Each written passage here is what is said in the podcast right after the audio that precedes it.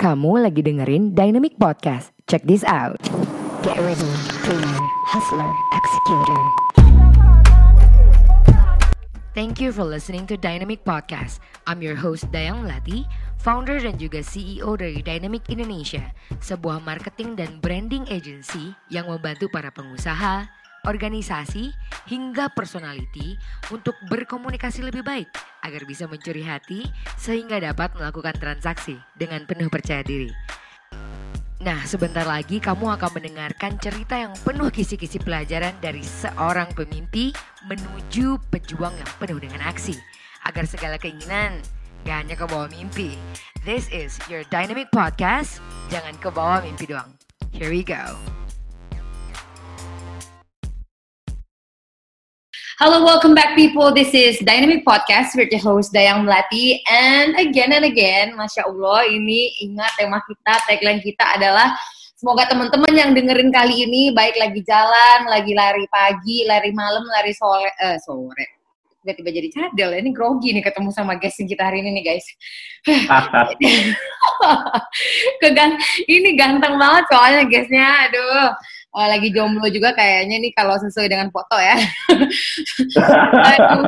uh, anyway, uh, tagline kita adalah jangan ke bawah mimpi doang. So teman-teman yang mungkin sekarang lagi di break atau perpindahan ke tempat yang lain, pengen uh, mendengarkan sesuatu yang bermanfaat ya, semoga bermanfaat. Uh, kalian lagi dengerin Dynamic Podcast dan guest kita kali ini, my idol juga, uh, bagian dari bapak-bapak.id, please welcome the one and only Pak James. Halo Pak James. Halo. Halo. Aduh, Halo Bu. Ketawanya itu. Halo Bu, selamat Ya, sore ya atau Ya, enggak? selamat Jadi, sore. Selamat pagi, sore, siang, malam buat yang dengerin. Saya nggak tahu dengerinnya kapan ya. Aduh, Pak, aduh, Sehat, Pak Bu. James. Gimana Pak James? Aku bingung nih memulai pertanyaan ini. Kayaknya orang-orang udah tahu Pak James ya, tapi boleh lah introduction dikit Pak ke teman-teman Dynamic Nation Pak. Silakan Baik, Pak. baik, baik. Halo, nama saya Raden James Jan Markus. Asik. Eh, saya adalah salah satu founder Bapak-Bapak ID. Eh, kalau di kehidupan aslinya ya, saya seorang editor in chief di salah satu media digital lumayan besar ya, salah Mhm. satu terbesar 10 lah di Indonesia. Uh, Gitu, saya punya pengalaman 10 tahun digital konten, mhm. terus sempat kerja juga di perusahaan eh, multinasional di Cina selama empat tahun, mau lima tahun lagi. Waduh, gitu. sekarang masih ya Pak berarti ya? Enggak, alhamdulillah. Hmm. Terus sehari kerjanya 18 jam bu dulu bu ya Allah. Aduh, ampun, ampun, ampun. Eh, apa dong? Aku aku grogi nih guys. Eh, Sama bu. ah bapak mah kalau sama kalau sama bapak-bapak ID ini pasti banyak banget nih guys eh, yang pasti bakal kita pelajarin terutama Insya kali ini kita eh, bakal ngobrolin eh, tentang eh, konten ya Pak ya digital konten Ya. dengan backgroundnya Pak James itu dan kayaknya aku pengen shout out juga ke Pak Marsani ini makasih Pak Marsani udah mengorbankan bapak-bapak ID yang lain untuk hadir di podcast kita menginspirasi Dynamic Nation. Semoga Pak Pak James nggak kapok ya ngobrol sama kita ya guys. Enggak, enggak bu. Pak, Bapak tuh kan Ya, udah Bu. lama ya. Eh, langsung Mm-mm. aja Pak ya. Bapak kan udah lama tuh Oh, ya boleh di dong. digital konten. Em, kena awal mulanya deh Bapak eh, pengen berkecimpung di dunia digital perkontenan ini tuh gimana tuh Pak ceritanya? Mungkin dari ceritanya sebenarnya nggak berurutan sih, tapi Mm. selalu dibawa ke sana ya Iya, iya. eh, arahnya gitu ya. Hmm, Jadi dari pemilihan kuliah gitu ya, hmm, jurusannya juga dulu saya advertising. mhm, Di situ saya ngelihat wah ada digital audio gitu ya, ya hmm, digital audio, Au- vi- eh, video sama audio tuh menarik minat saya banget di situ. Iya. Habis itu juga image juga menarik banget. Akhirnya lulus, terus pekerjaan pertama malah nggak nyambung sama sekali. Waktu itu saya sebagai broker saham, kayak Wah. Oh iya. lihat kerja pakai tiap hari pakai jas itu. Wih, oke. Nah, tapi Hah? dari situ sih eh, bekal saya untuk analytical gitu ya dan Mhm. berpikir kritis gitu ya, critical thinking and problem solving di situ dibentuk banget sih. Tanpa, tanpa saya sadari ya, dulu masih bocah kagak ngerti ya kalau itu namanya ituan gitu. Terus uh, sayanya nggak kuat, kencing darah waktu itu ya. Bapak mah. Beneran kencing darah itu literally sampai di USG kayak ibu-ibu hamil ternyata ginjalnya kena. Oke. Okay. Habis itu resign, terus uh, ke perusahaan content provider waktu itu mm-hmm. selama kurang lebih empat tahunan. Nah di situ mm-hmm. saya bekerja sebagai sound designer sama musik komposer. Nah itu uh, karir pertama saya di dunia konten tuh. Di situ tugas saya tuh bikin konten audio yang apa namanya yang singkat banget, cuma 15 sampai 30 second gitu. Gimana caranya itu bisa digunakan banyak orang lah. Dulu belum terlalu populer di Indonesia. Mm-hmm. Dulu marketnya tuh India sama Malaysia. Mm. Seperti itu. Akhirnya di situ saya tahu konten yang laku tuh kayak gimana karena saya juga merhatiin data kan ya. Mm-hmm. Kalau saya buat buatnya kayak gini, yang beli segini dan retention rate-nya segini gitu, yang balik lagi untuk beli lagi kayak gitu. Mm-hmm. Udah resign, resign ada tawaran yang lebih baik sama CV juga. Mm-hmm. Uh, posisinya uh, agak lumayan tuh. Ini pertama kali saya jadi manajer di situ kalau nggak salah. Mm-hmm. Butuh waktu empat tahun berarti. gitu. Jadi uh, posisi sama tapi tanggung jawabnya lebih gede ya. Gimana caranya yeah. uh, udah ke arahnya ke bisnis. Kalau dulu saya cuma uh, fokus di produksi doang.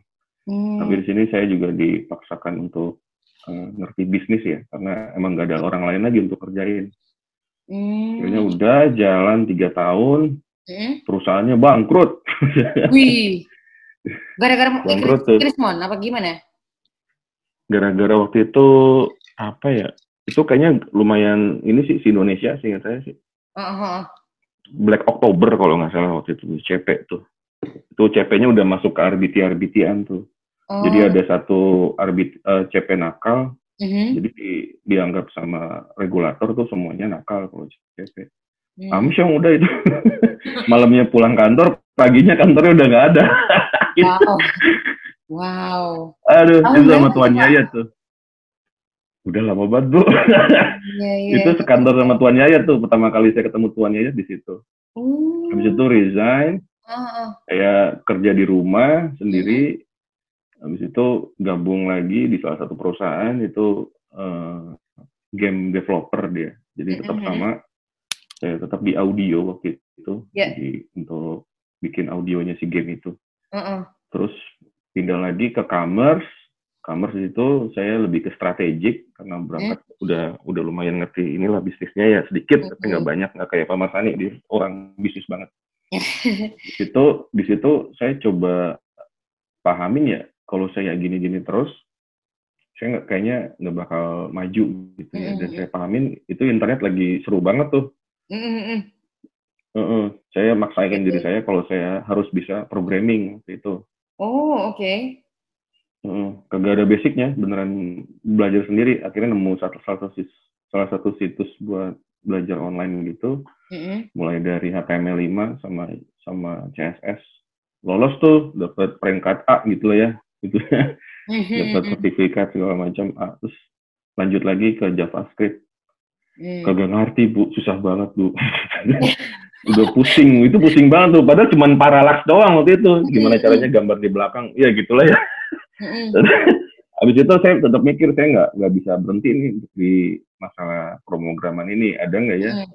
yang lain mungkin yang lebih manusiawi kalau gitu ya? Iya iya iya. iya. Lumayan ini apa jomplang ya? Jomplang banget. Habis itu saya milih SEO. Hmm. Karena saya lihat itu bahasanya masih bahasa manusia ya. Cuman gitu ya. Oke. Okay. Iya, belajar setahunan akhirnya hmm. udah tuh uh, ada panggilan dari ini nggak apa-apa nyebut perusahaannya ya? Eh, boleh, boleh Pak, boleh.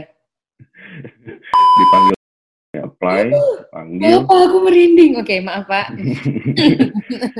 Itu nah dipanggil di lagi butuh sales manager waktu itu. Mm-hmm. Apply, nekat banget tuh. Saya tahu baru belajar setahun doang. Sementara yang lain kan jago-jago banget ya. Itu alhamdulillah sih berkah banget. Nah itu adalah interview paling susah lah intinya. Oh, gimana Pak? Kenapa? Eh. Penasaran nih interview. Eh, jadi eh, istilahnya ada bi- bikin passage ya di situ Mm. disuruh bikin lima passage eh, yang di mana tuh saya karena masih amatir ya itu satu passage tuh saya butuh sekitar 3 sampai 4 jam Mm-mm-mm. karena harus paham short link sama back link gitu. Mungkin sekarang udah nggak relevan ya, udah lama banget soal itu. Iya, iya. Maju banget itu, cepet banget perubahannya. Ya Allah, Nah, apa itu- link implan gitu ya. Aduh, cerita lama banget itu Mm-mm. Pak ya. Saya baru- baru-baru belajar. Iya. Mm-mm. Kasusnya waktu itu Facebook dikasih kasusnya. Kalau betul. Facebook punya fitur ini kayak gini gini Hmm. gini, suruh bikin tuh dalam waktu 15 menit tuh 5 passage. Wow. Oh, jadi tuh langsung Pakainya praktek gitu ya Pak ya? Wow. pakai handphone saya waktu itu, Bu. Udah Oke. saya cuma bisa selesai 4 salah satu jadi cuma tiga yang bener. Hmm. Ditanya-tanya lagi ah, udah tuh saya udah kayaknya susah untuk diterima nih. Ternyata nggak lama Hmm. ditelepon lagi nomor Cina Hmm. di mainline ternyata ternyata HRD-nya interview yang kemarin lolos alhamdulillah nggak lama saya diterima sebenarnya saya eh, belajar konten banget sih ya yang benar-benar selama empat tahun eh, lima mau lima tahun itu di Oke. biasanya kalau saya lihat tuh konten bagus itu bertebaran di mana-mana sebenarnya tapi gara-gara gara-gara konten structure-nya gitu ya itu Mm-mm. jadi jadi jelek jadi orang nggak bakalan stay lama Mm-mm-mm. jadi ada beberapa aspek ya. Nomor satu, selalu perhatikan yang namanya aspek visual. Hmm. Namanya Terus juga Instagram itu yang- gitu, Pak ya? Betul, logiknya gini, eh, semua platform media sosial itu sebenarnya all about visual kalau buat saya ya.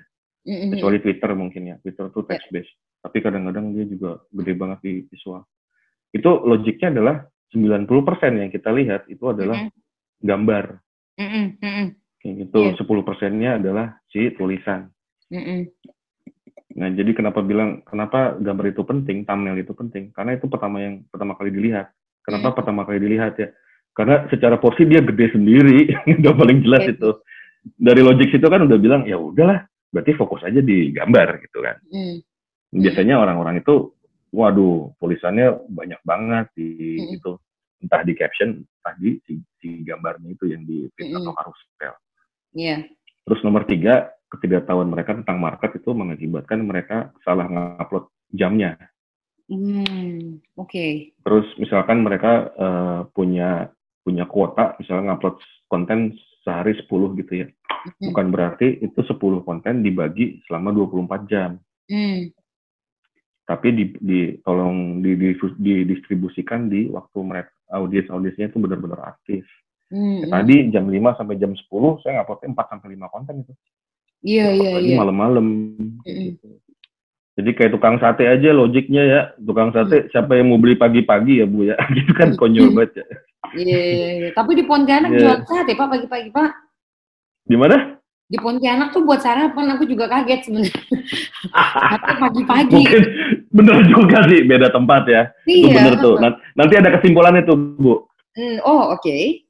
Eh, eh, itu kan, biasanya tukang sate kan baru baru bakar-bakar asapnya itu kan jam 6 sampai jam 9 tuh pik-piknya tuh. Nah, di situ tuh dia kerja kerja kerasnya di situ dia. Sama kayak konten juga kayak gitu. Hmm. Jadi biasanya aspeknya nomor satu ketidaktahuan tentang audiensnya, nomor dua salah bikin kontennya secara structure, secara visual gitu ya. Hmm.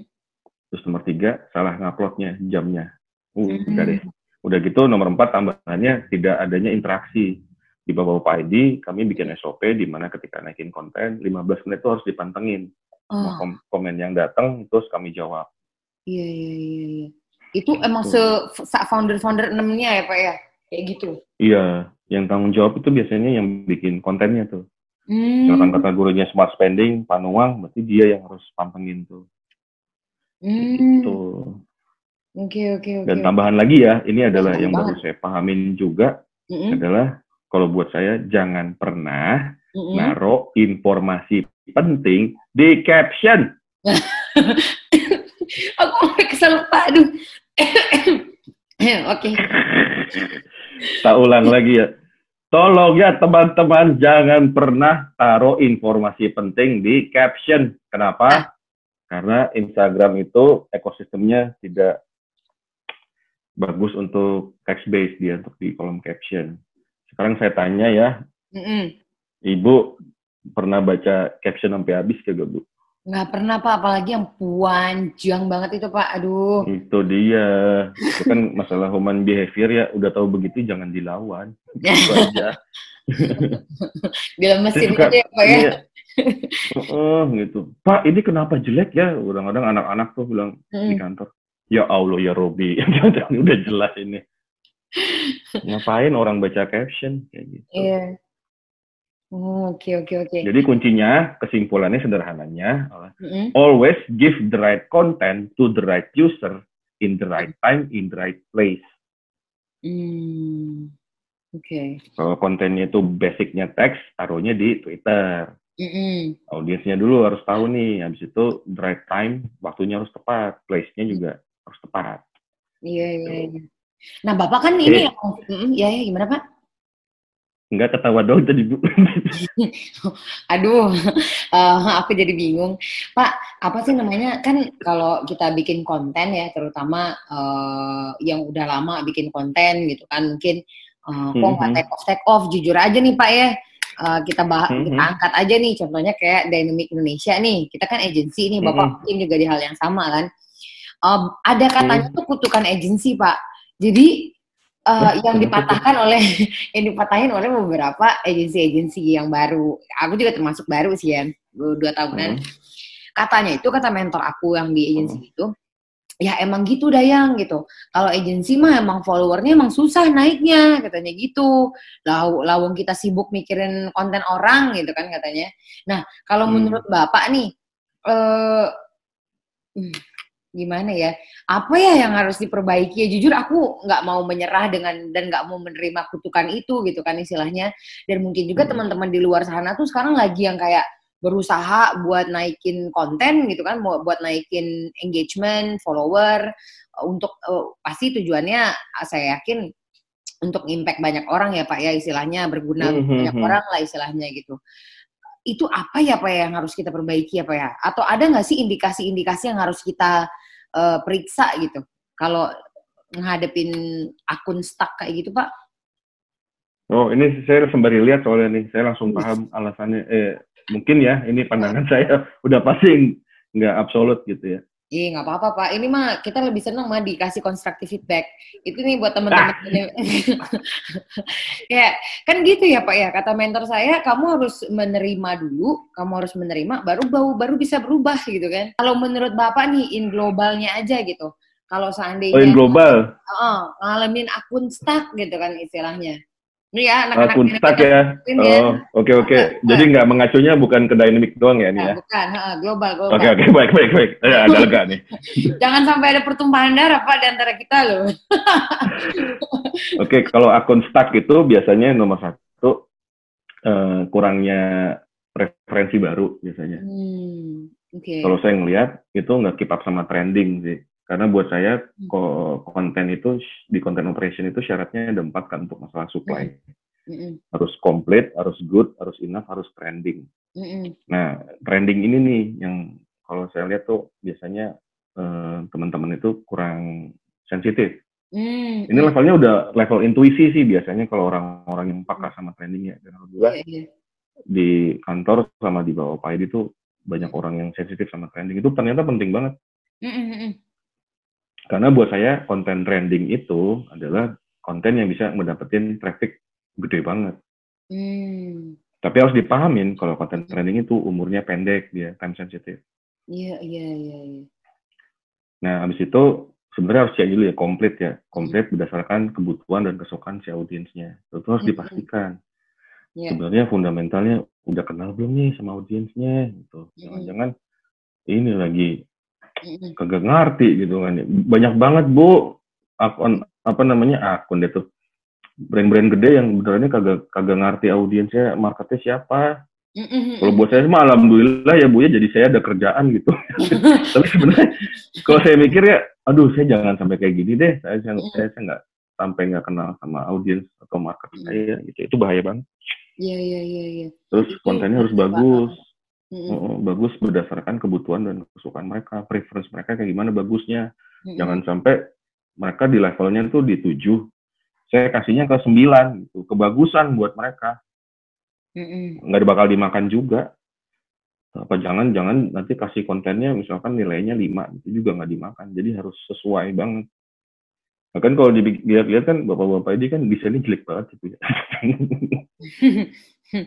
karena kita tahu audiensnya kayak gimana mereka tidak membutuhkan desainnya kayak gimana gimana banget bu jadi kita nggak fokus ke sana banget yang mereka butuhkan benar-benar manfaat value-nya lah intinya jadi kita tebalinnya di situ Hmm. terus enough enough itu benar-benar kita harus tahu konten unggulan kita yang mana nih Hmm. Nah, konten yang unggulan itu mana udah diidentifikasi, dibanyakin jumlahnya. Yang hasilnya jelek atau nggak biasa aja, jumlahnya dicukupin aja. Kayak gitu. See. Terus yang paling penting ya agak susah sih sebenarnya ini untuk diomongin secara kayak ibaratnya eh, bilangnya company gitu ya. Iya, iya. Saya yakin ya, Mm-mm. eh, seyakin yakinnya, yakin yakin yakin yakin banget gitu. Asik. Kalau kita punya mindset berbagi gitu ya, Hmm. sharing bener-beneran tanpa ada tedeng aling-aling, ada Mm-mm. ada belakangnya ada man tujuan apa gitu. Iya. Itu biasanya terasa banget sama audiensnya. Hmm. Hmm. Kita tuh sering banget dapat DM ya, Pak Mm-mm. ini relate banget Pak sama saya Hmm. Pak gini-gini. Bener Sampai Pak, itu mah bener, iya. heeh. Saya juga sering Hmm. ini gitu. Gitu. Iya, jadi itu balik lagi mesti jadi beneran jadi orang, jangan Hmm. jadi kayak pabrik, jadi mesin dingin gitu. Males Iya, orang. betul, betul, betul. Saya juga nggak paham kenapa sih ya, tapi kalau Hmm. saya cerminin diri saya, saya juga kayak nggak mau sih kalau follow akun yang dingin gitu ya. Iya, iya, iya, iya. Oh, jadi itu memang kayak gitu ya, Pak ya. Makanya konten Bapak-bapak ID sekarang bener-bener humanis banget ya, Pak ya, yang kayak eh ah lagi sini nih yang kayak wah, gitu ya, Pak. Itu kah alasannya, Pak? Iya, karena yang kita pahamin ya Mm-mm. adalah karena namanya udah sesuai dengan bapak-bapak ID, apa yang kita gadang-gadang itu seputar kehidupan bapak-bapak ID gitu. Mm-mm. Enaknya adalah kit- kita hidup tuh dekat dengan konten gitu. Apa yang kita lakukan itu sebenarnya konten sih. Kayak Iya, kemarin saya bakar arang gitu, ah videoin ah. Gitu. Tapi steaknya bikin orang pengen makan steak, Pak. Kemarin yang Bapak bakar itu. Iya, se- intinya sih eh kalau misalkan stuck ya, intinya berarti ada yang salah tuh. Hmm. Namanya mis- misalkan tadi syaratnya udah ditentuin ya, passion, Ya, ya. talent sama market udah udah sesuai. Mm-mm. Biasanya masalahnya di passion tuh. Hmm. Ya kan passion, passion itu kan sifatnya dia dynamic ya. Iya. Mantap juga ya sama yang namanya dia. Dia eh, nggak ini dia, nggak nggak yang lurus ya. aja, uh Heeh. pasti wah langsung kayak fluktuatif banget dia. Iya. mm-mm. Nah itu biasanya di situ sih. Kayak kehilangan Mm-mm. ngapain lagi gue ya gitu biasanya itu. Mm-mm. Nah itu tuh kalau saya latihannya adalah lebih ke, ke bener-bener banyak-banyak referensi sih. Hmm. Gitu ya, Pak ya. Gitu. Kalau Bapak habit ngeliat Jur- referensi Hmm. itu kan dibilangin eh, belajar itu kan P2 ya. Jujur itu udah ngejawab persoalan pribadi saya sih Pak. Kadang-kadang kan saya ngerasa Hmm. kok i- hidup ini tuh hampa ya gitu yang kayak dari deadline ke deadline gitu kan nggak ngerasa growth-nya oh iya waktu belajarnya nggak ada gitu kan. Tapi kalau tadi Bapak Iya. reach ke obrolannya Bapak harus pre, eh, trend sensitif Bu gitu kan istilahnya. Terus yang kayak benar-benar ada ngeliat Hmm. referensi itu kan diomongin berkali-kali tuh Pak. Kalau habitnya Mhm. Bapak untuk melakukan hal tersebut tuh gimana Pak Bapak ngebentuknya atau caranya? Nomor satu yang paling penting eh, saya sadar kalau saya bodoh ya. Jadi itu Oh, itu mulai dari situ Kalau sih. Bapak bodoh saya ah. Lu beneran, Bu. itu itu beneran karena karena saya kalau misalkan saya bandingin sama teman-teman saya yang cemerlang gitu ya, yang punya Hmm, bakat iya. gitu, atau emang dilahirkan jenius gitu ya. Asik. Saya nggak saya nggak bakal bisa up tuh kalau saya nggak belajar. Itu satu. Nomor Hmm. dua harus punya pemahaman manajemen waktu yang benar-benar jago ya. Hmm. Itu saya juga baru tahu tuh masalah manajemen waktu kayak si Tesla Hmm. tuh si siapa namanya Elon Musk time Ya. boxing gitu-gitu saya beneran ngelakuin tuh awal-awal muntah bu beneran muntah karena kebanyakan habis itu saya identifikasi kalau itu saya sebenarnya sibuk bukan produktif. Beda banget ternyata. Bentar-bentar Bapak muntah gara-gara apa tadi Pak? terlalu sibuk lagi lagi duduk bu. Lagi duduk beneran lagi duduk. Tiba-tiba muntah kecapean kayaknya atau enggak stres Oh, oke. Oh, jadi Karena saya kayak Elon Musk gitu. Heeh. Siap, siap, siap. Hmm. Oh, waktu itu kan saya pahamin setelah time boxing tuh waktu saya harus bener-bener efisien semuanya. Jadi Iya, iya. eh, saya bikin reminder, bikin kalender, udah rapi tuh. Jadi dari dari bangun tidur sampai sampai mau tidur lagi, saya udah tahu mau ngapain besoknya sampai Iya, satu iya. minggu ke depan.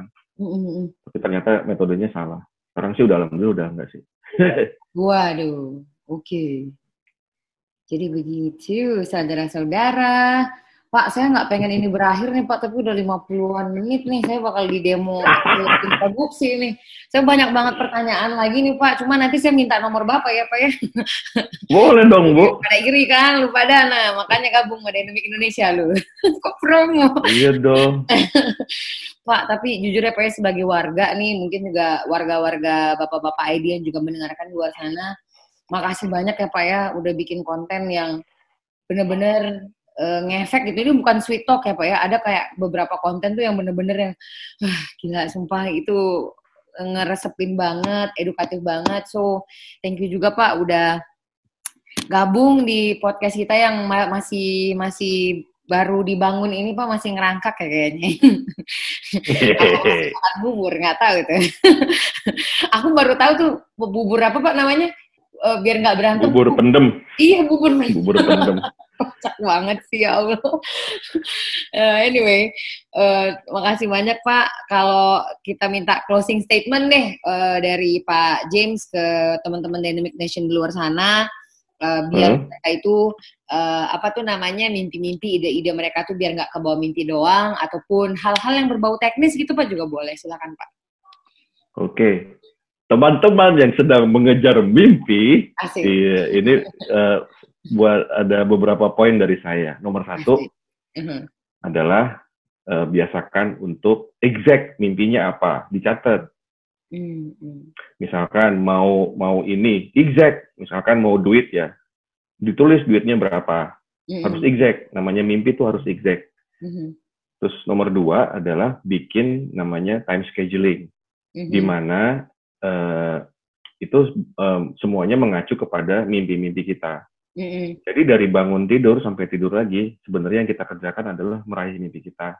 mhm. Misalkan kita eh, pengen sukses, sukses definisinya apa buat temen-temen nih gitu. Jangan sampai kita ngejar sesuatu yang benar-benar kayak utopis gitu ya, Mhm, mhm. terlalu tinggi dan nggak bisa diraih. Gitu. Mesti, realis, mesti realistis banget. Iya, iya, Habis iya. itu bikin di breakdown menjadi daily activity. Itu penting Mm-mm. banget tuh. Jadi misalkan mimpi saya mem- mempunyai bisnis, bisnis apa gitu kan ya? It's Iya, iya. exact. Misalkan, oke punya warung kopi, oke mau buka hari apa, jam berapa, exactnya pembukaan pertama kali. Harus ditulis tuh. Mhm, Mm-mm. Habis itu dari semua yang sana tuh ditulis dari time schedule, misalkan selama setahun. Mhm, Kalau pernah eh, pengalaman saya jangan dibikin harian juga sih, bikin aja mingguan. Dan itu mhm. semuanya adalah task list. Iya, iya, Terus nomor iya. tiga, bikin namanya journaling. Hmm, Kita harus tahu growth kita. mhm, Itu sifatnya judgmental sih. Jadi kita tahu nih kita lagi turun, apalagi naik nih secara eh, beberapa variabel, entah mental, entah semangat, entah apa pun gitu. Itu harus diukur. Kalau saya sih gitu ya. Gak menarik sih buat orang-orang kebanyakan yang ngapain gitu Menarik tiap hari nyatet begituan. Jangan takut Pak, menarik kok. Karena beberapa bapak-bapak ngapain sih bikin-bikin begitu. Oke. Dulu saya sebelum punya tablet saya bawa-bawa ke mana-mana bawa spidol bu, Nyetet di tembok. Jadi gitu. Nggak Kesimpulannya, kesimpulannya kalau punya mimpi, Hmm, tolong exact. Setelah exact, tolong dibikin eh, misinya gitu ya. Habis misi baru di breakdown secara harian. Jadi dari semua yang kita lakukan hari-hari, kita sebenarnya lagi mengacu kepada mimpi kita. Gitu. hmm, Intinya ke- dibiasakan untuk mencatat hmm. dan biasakan untuk jelas. Kayak gitu, Bu. Nah, ini jadi benar-benar kelihatan gitu ya. Bisa generate action plan juga gitu ya, kalau udah exact kayak gitu mah ya. Iya. Uh. Luar biasa. Thank you banget Pak James untuk waktunya, untuk Sama-sama. sharing-sharingnya.